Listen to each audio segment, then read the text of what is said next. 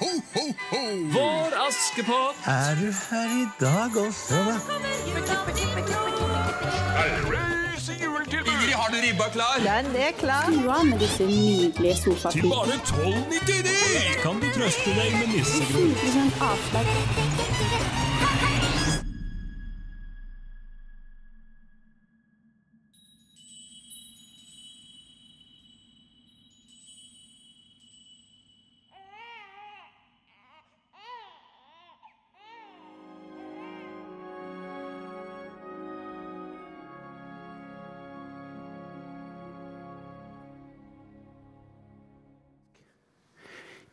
Jul uten er tema for den serien som går nå i desember. Og Det skal jeg òg snakke litt om i dag. Det er sånn for oss mennesker, de fleste av oss, er sånn at når vi går inn i høytida, så har vi en tilbøyelighet til å danne tradisjoner. Jeg tror det er forskjellige grunner til det, men det går nok på stemning. Det går på rytme, det går på rutiner, men tradisjoner de fyller veldig mange hjem og mange samfunn i høytider. Og juletradisjonene er kanskje noen av de sterkeste vi har. Ramme for ei julehøytid. Det er snakk om julepynt. Alle forbereder julepynt. Julelys bruker de fleste av oss veldig mye av i heimene våre. Huset pyntes. Tre pyntes både i hage. Se rundt i Lyngdal. Se på balkongene i boligfeltene. Heimene er pynta til høytid. I byen vår glitrer det. Lyngdeland ønsker jul. Vi ønsker jul, og vi liker tradisjoner. Og Sist, gang, så, sist søndag så nevnte Eirik dette med julemiddag. Det har dype tradisjoner. Hvis den rytmen brytes, så er det ikke alltid like enkelt sånn i starten. Men dette ligger veldig i oss. Og så har jeg lyst til å si, for jeg tenker veldig mye på det gjennom det vi bruker advent på i menigheten her. Jeg er så redd for at det er veldig mange mennesker som bare lever i rammene av jul. Som lever i pynten av jul. Som forbereder seg til stemning for jul. Og som lever med en god intensjon for ei høytid. Men det er i rammene veldig mange lever. Dette var noe av visjonen Einar fikk når han gikk på Prestneset. Og han har delt i media, alle som sitter her, kjenner nok til det. Plutselig så, så gikk vi som menighet inn for et prosjekt der vi ønska å hente jula tilbake. Vi ønska å sette fokus i ei adventstid, ei ventetid. Ei tid som handler om et komme, og sette fokus på Han som kom. Han som ga avkall på alt han hadde for å bli en av oss. Han som steg ned til det lave for å løfte oss opp. Han som ga seg sjøl til oss mennesker, Messias, Immanuel. Han ønsker vi å sette fokus på. Og så dere, så har Jeg lyst til å si, jeg går og tenker veldig ofte, jeg ber mye når jeg går veien til Betlehem, i mellomspillene. For jeg lengter så etter å være med og hjelpe både skuespillere, meg sjøl og et bygdefolk, et byfolk, på at vår mottagelse av julegaven er avgjørende for våre liv. Mottagelsen vi gir Guds Messias, er helt avgjørende på om vi får erfare høytid i eget hjerte og i eget hjerterom. Det å stå på Prestnes og holde en appell, se blanke øyne etter å ha vandra i et spill der vi prøver å visualisere evangeliet, juleevangeliet, det gjør veldig inntrykk på meg. Og jeg står med sånn en nød i hjertet mitt. Jesus, tenk om et menneske i kveld, akkurat nå, forstår hvem du er, og hvorfor du kom. Mottagelsen min i Jesus, Det er det som skaper høytid i jula. Derfor har jeg valgt et lite underpunkt i dagens powerpoint. Ingen jul uten hjerterom for Jesus. Det er det viktigste for oss mennesker. At vi har hjerterom for Han som steg ned. Bibelen gir oss mange sterke Messias-profetier. Eh, og Det sier så mye fint om Han som skal komme, i profetordet i Gamle Testamentet. Mange hundre år før det skjedde. Så er det akkurat som at Gud bare inspirerer profetene, sine sendebud, på å gi noen glimt av hvem han skal sende til vår jord. Før Jesus blir født, så omtales han som en gave. Han beskrives der han kommer inn i verden og skal gi endringer, og ikke minst muligheter for oss mennesker. Nå skal jeg lese et lite ord, for jeg skal holde en liten linje i noe som står i Johannes evangeliet, som Gud har lagt på hjertet mitt i dag. I Jesaja 9, vers 2, så er det et av de solstreifene fra Gud. Det folk som vandrer i mørket, skal se et stort lys. De som sitter i dødsskyggens land, over dem skal lyset stråle. Et sterkt profetord om at lys skal tennes i denne verden. Og noe skal begynne å stråle og få konsekvenser for denne verden. Johannes, når han skriver sitt evangelie, så gjør han det litt annerledes enn det de andre evangelistene gjør. For Johannes han forteller ikke bare historie, men han forteller ofte sannheter og så speiler han det imot historien. Så Johannes evangeliet begynner så annerledes. Og han har noen små glimt der dette profetiske tas opp og kaster på en måte et perspektiv for oss.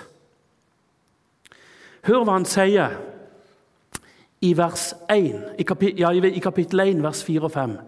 I ham var liv, og livet var menneskenes lys. Og lyset skinner i mørket, og mørket tok ikke imot det. Så skal vi lese litt videre noen vers bitte grann lenger nede, i vers 9 til 11. Det sanne lys, som opplyser hvert menneske, var i ferd med å komme til verden. Han var i verden, og verden er blitt til ved ham. Og verden kjente ham ikke. Han kom til sitt egne, men hans egne tok ikke imot ham. Johannes forklarer litt av det han så hos Jesus, og hva han så hos deg som sto rundt Jesus når lyset begynte å skinne i mørket. Responsen var ikke sånn som kanskje vi rent menneskelig vil forvente og tenke. Jesus beskrives som lys, som liv, menneskenes lys, det sanne lys.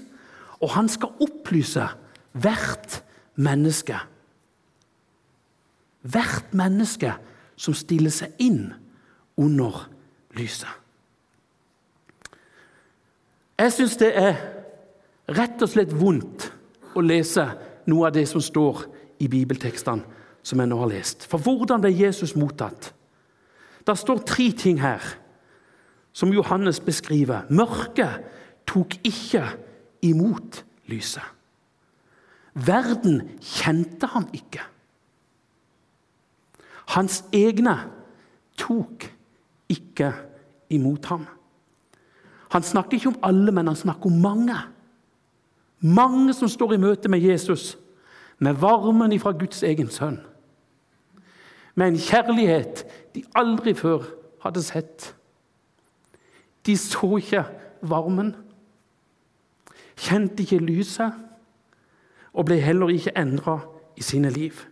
Det er hjerteskjærende å se at det går an å leve så nær en mulighet, men går videre uten endring.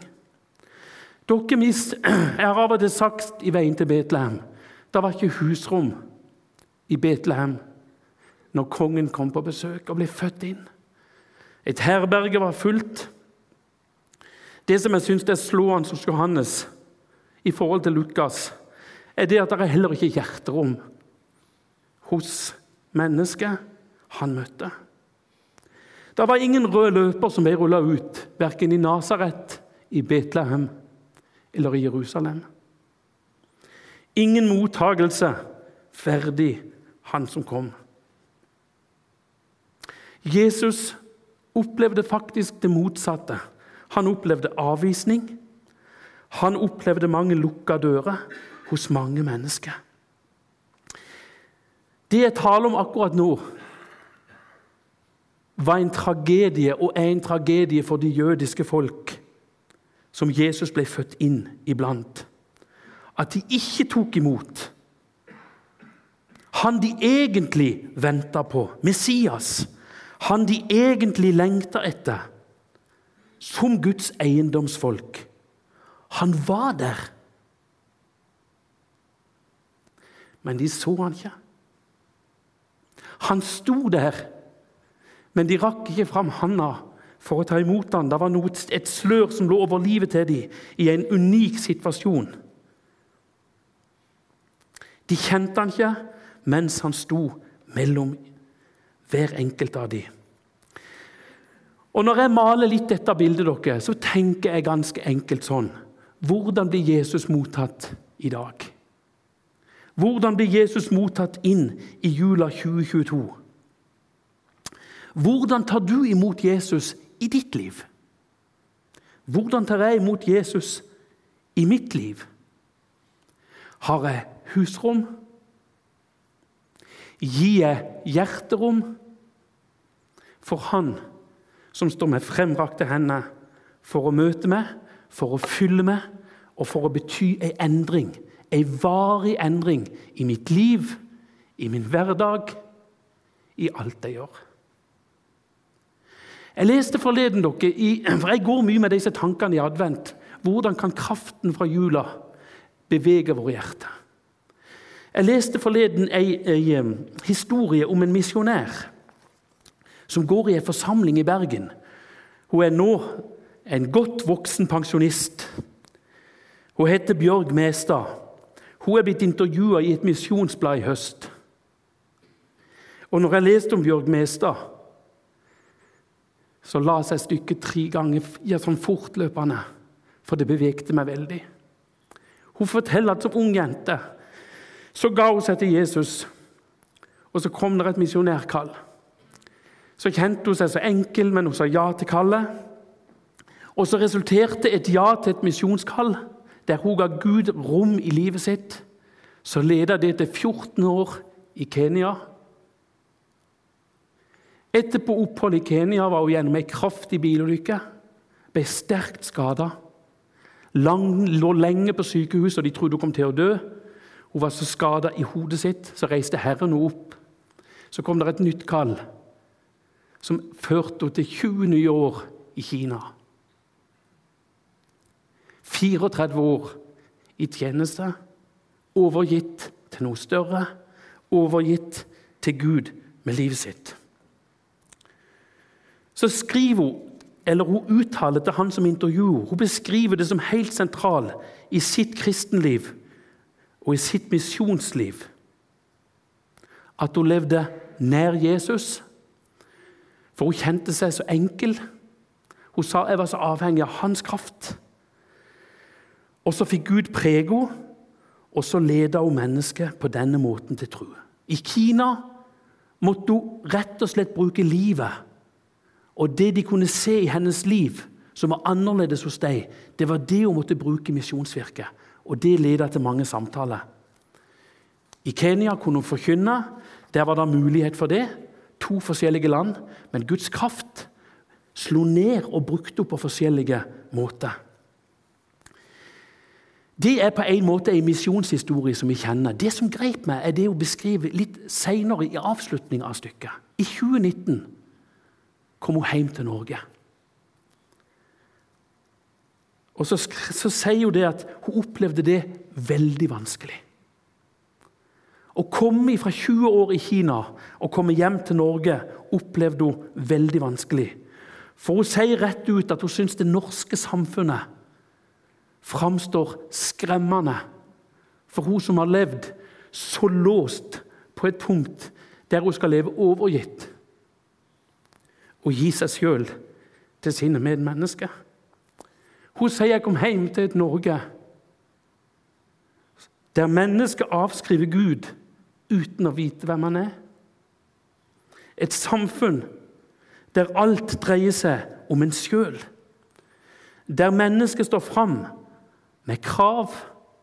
Og vinner vi ikke fram med krav, så demonstrerer vi.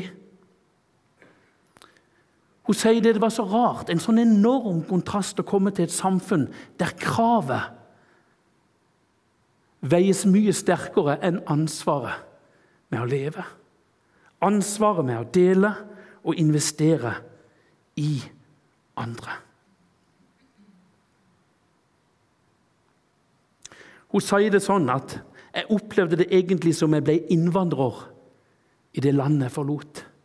For det var så endrende da jeg kom hjem. Og så sier hun avslutningsvis jeg er et helt vanlig menneske.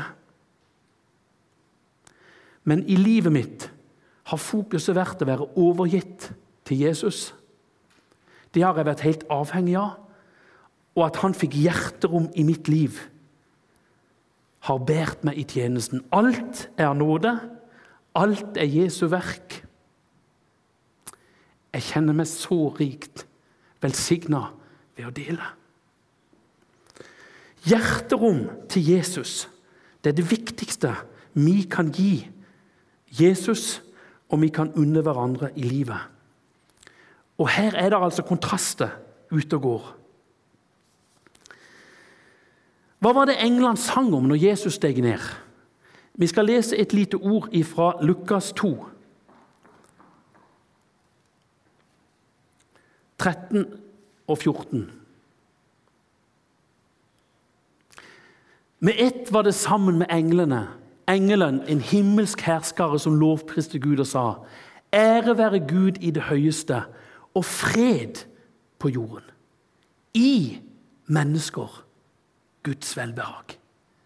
Det var det som løste ut englesangen, og ikke minst varmen på Betlehemsmarkene når englene løfta hendene og jubla over han som, steg ned.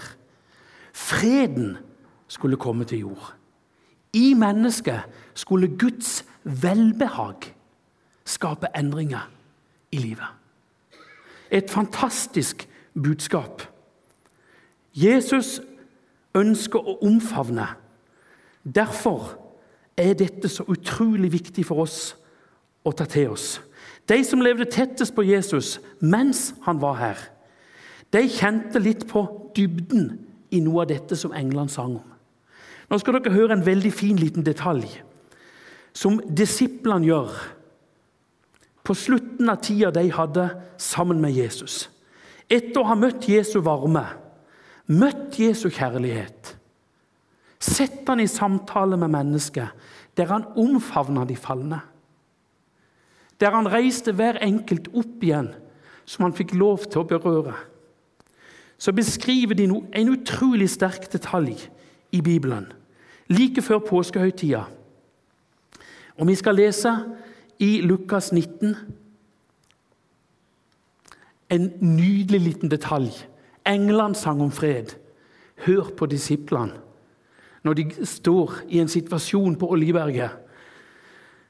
Vers 37 og 38. Men da han nærma seg nedstigningen fra Oljeberget, begynte hele disippelflokken i glede å love Gud med høy røst for alle de kraftige gjerningene de hadde sett. De sa, 'Velsignet være Kongen som kommer i Herrens navn.' Fred i himmelen og ære i det høyeste. det har jeg aldri sett før denne uka. Disiplene synger om noe som står i Salme 118, vers 26.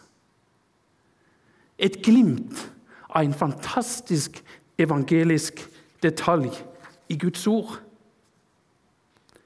Fred på jorden vil også skape fred i himmelen når Jesus har steget ned.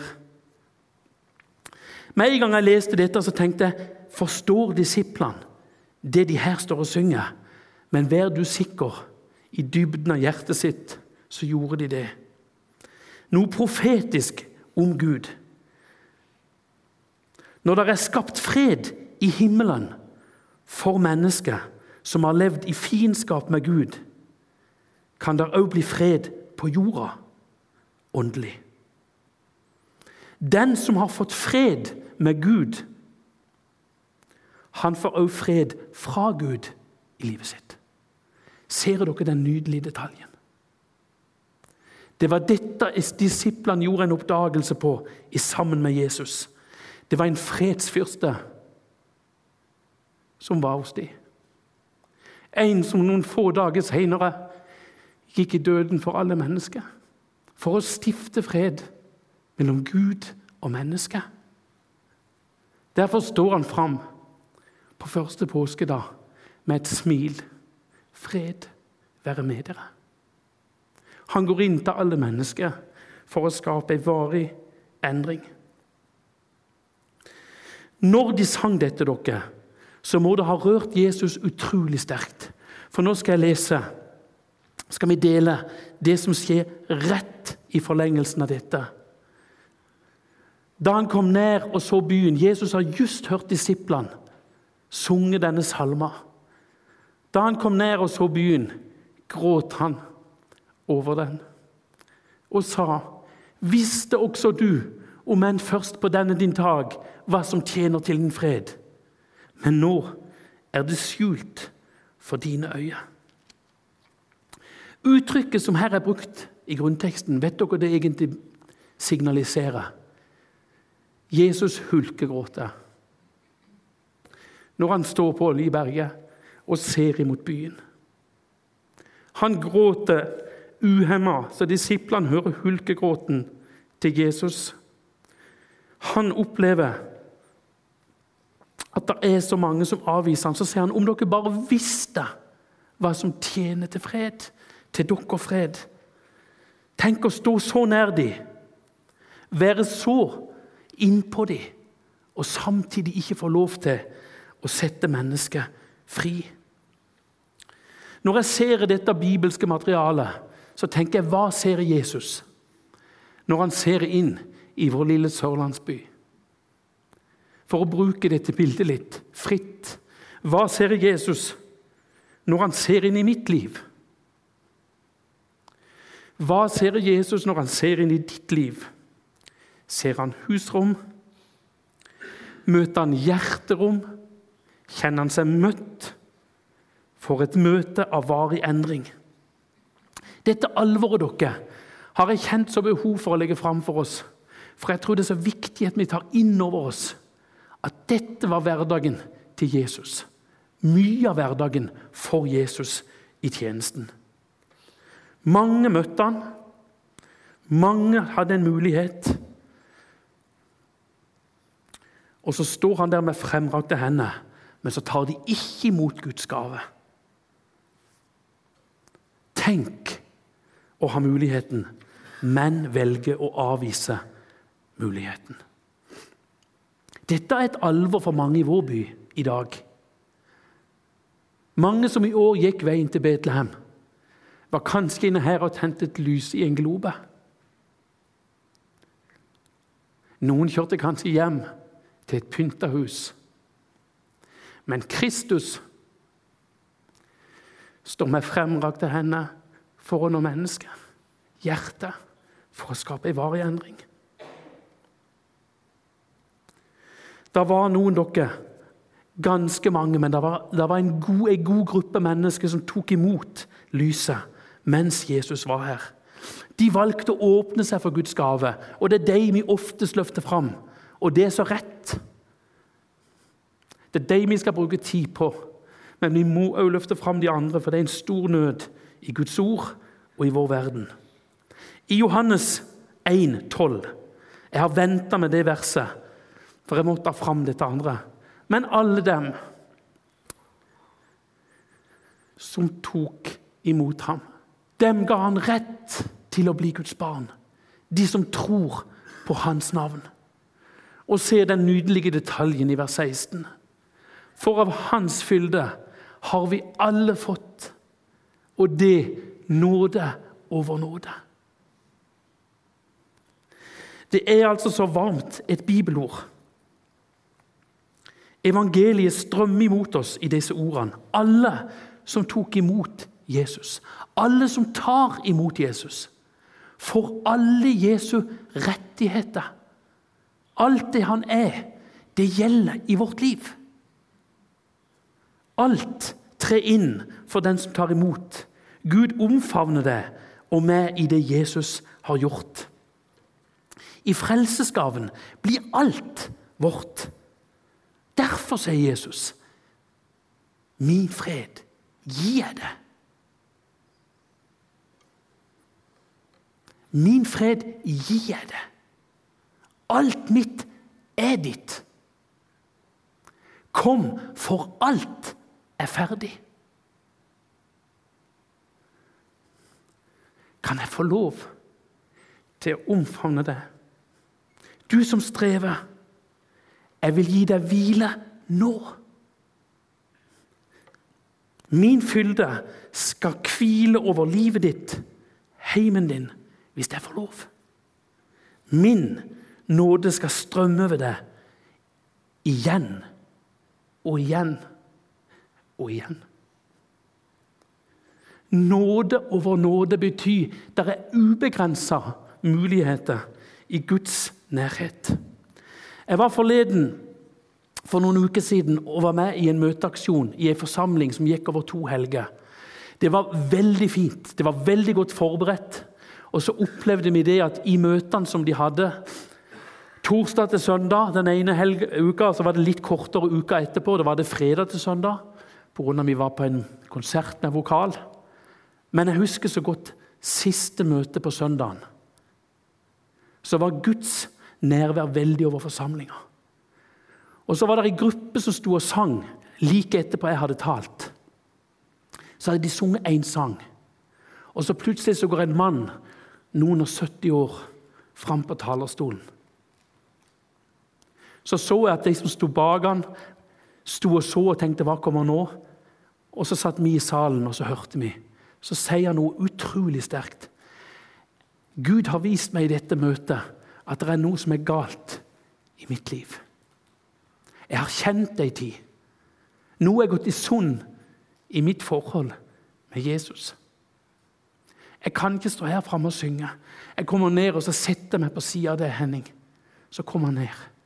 Jeg har aldri opplevd det før. Så sang de andre en sang til. Så gikk de òg ned. Så begynte folk å komme fram. Så kom det fram åtte ti til. Satte seg ned. Noen knelte.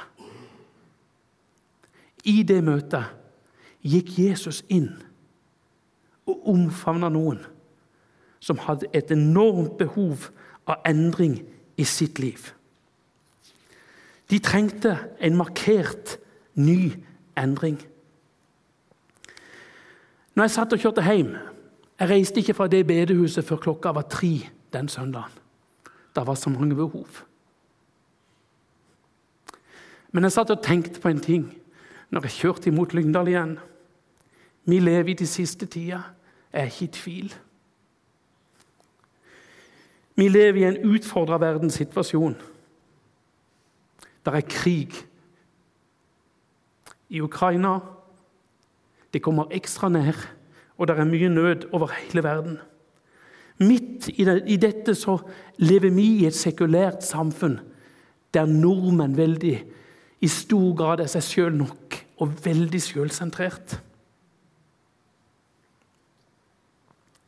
I Johannes' åpenbaring beskriver Gud menighet i endetida. Og Det syns jeg er veldig sterkt å lese om. For det var menigheter som gikk med fulle hus, de fleste. Folket var til stede. Men når Johannes fikk dette profetiske synet og så inn i endetida, så så han menigheter som levde for seg sjøl. Som var blitt sjølsentrert. Ytre sett var det fint. Det var mye folk. Men de levde i rammene av høytid. De levde i tradisjonene av menighet og menighetsliv.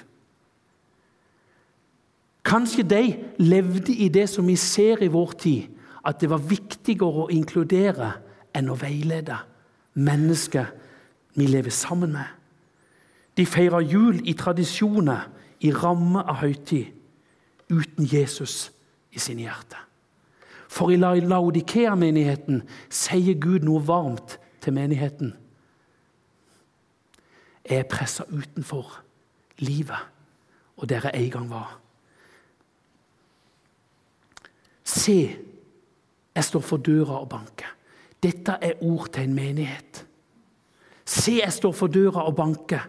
Om noen hører min røst og åpner døren, da vil jeg gå inn til ham og holde nattverd med ham og han med meg. Gud står og banker, og så sier han om du hører det, om du kjenner i ditt liv at jeg trenger denne endringa, så vil jeg igjen inn med nåde. Jeg vil igjen reise deg opp. Når han bruker ordet nattvær, så vil han løfte deg opp i alt det som skjedde på korset. Han vil dele nåden. Han vil at du skal nyte freden nå. Du som kanskje har mista det. Har du hjerterom i livet ditt? Det er så viktig et spørsmål. Eller lever vi våre liv i ramme av menighetsliv, av julehøytid, eller hva det måtte være? Tenk dere om mange som kanskje pynter heimen sin til jul. Spiser ribba si, nyter pinnekjøttet sitt. Tar ned igjen julepynten uten varme av Jesus. Vi sang en sang når jeg vokste opp, som jeg har lyst til å lese et vers og et kor av. Har du intet rom for Jesus, han som ga sitt liv for deg? Hør, han banker på ditt hjerte, og han ber, lukk opp for meg. Rom for Jesus, ærens konge. Og lukk opp og slipp ham inn salighet han med seg bringer. All hans herlighet blir din. Bare godhet er det Gud ønsker å gi inn i livet ditt og inn i mitt liv. Takk, Jesus, for at du en gang sa deg villig. Sa at 'jeg skal stige ned'. Jeg er villig til å gi meg sjøl. Og så kom du ned til oss, Jesus. Nå står vi over 2000 år etterpå og kjenner på en djup respekt. En enorm glede. En enorm varme når vi åpner for din kraft i livet. Nå ser du hver enkelt som sitter her, Jesus. Å Herre, jeg ber om at du må legge dine hender på godt voksne skuldre i formiddag. På unge mennesker det er spesielt Jesus, vi som kjenner at vi blir så prega av samfunnet vi lever i. Så ber jeg Jesus om at hver enkelt sier, 'Herre, jeg åpner livet mitt helt opp for din tilstedeværelse.' Stig inn, omfavn meg, jeg gir meg til deg igjen.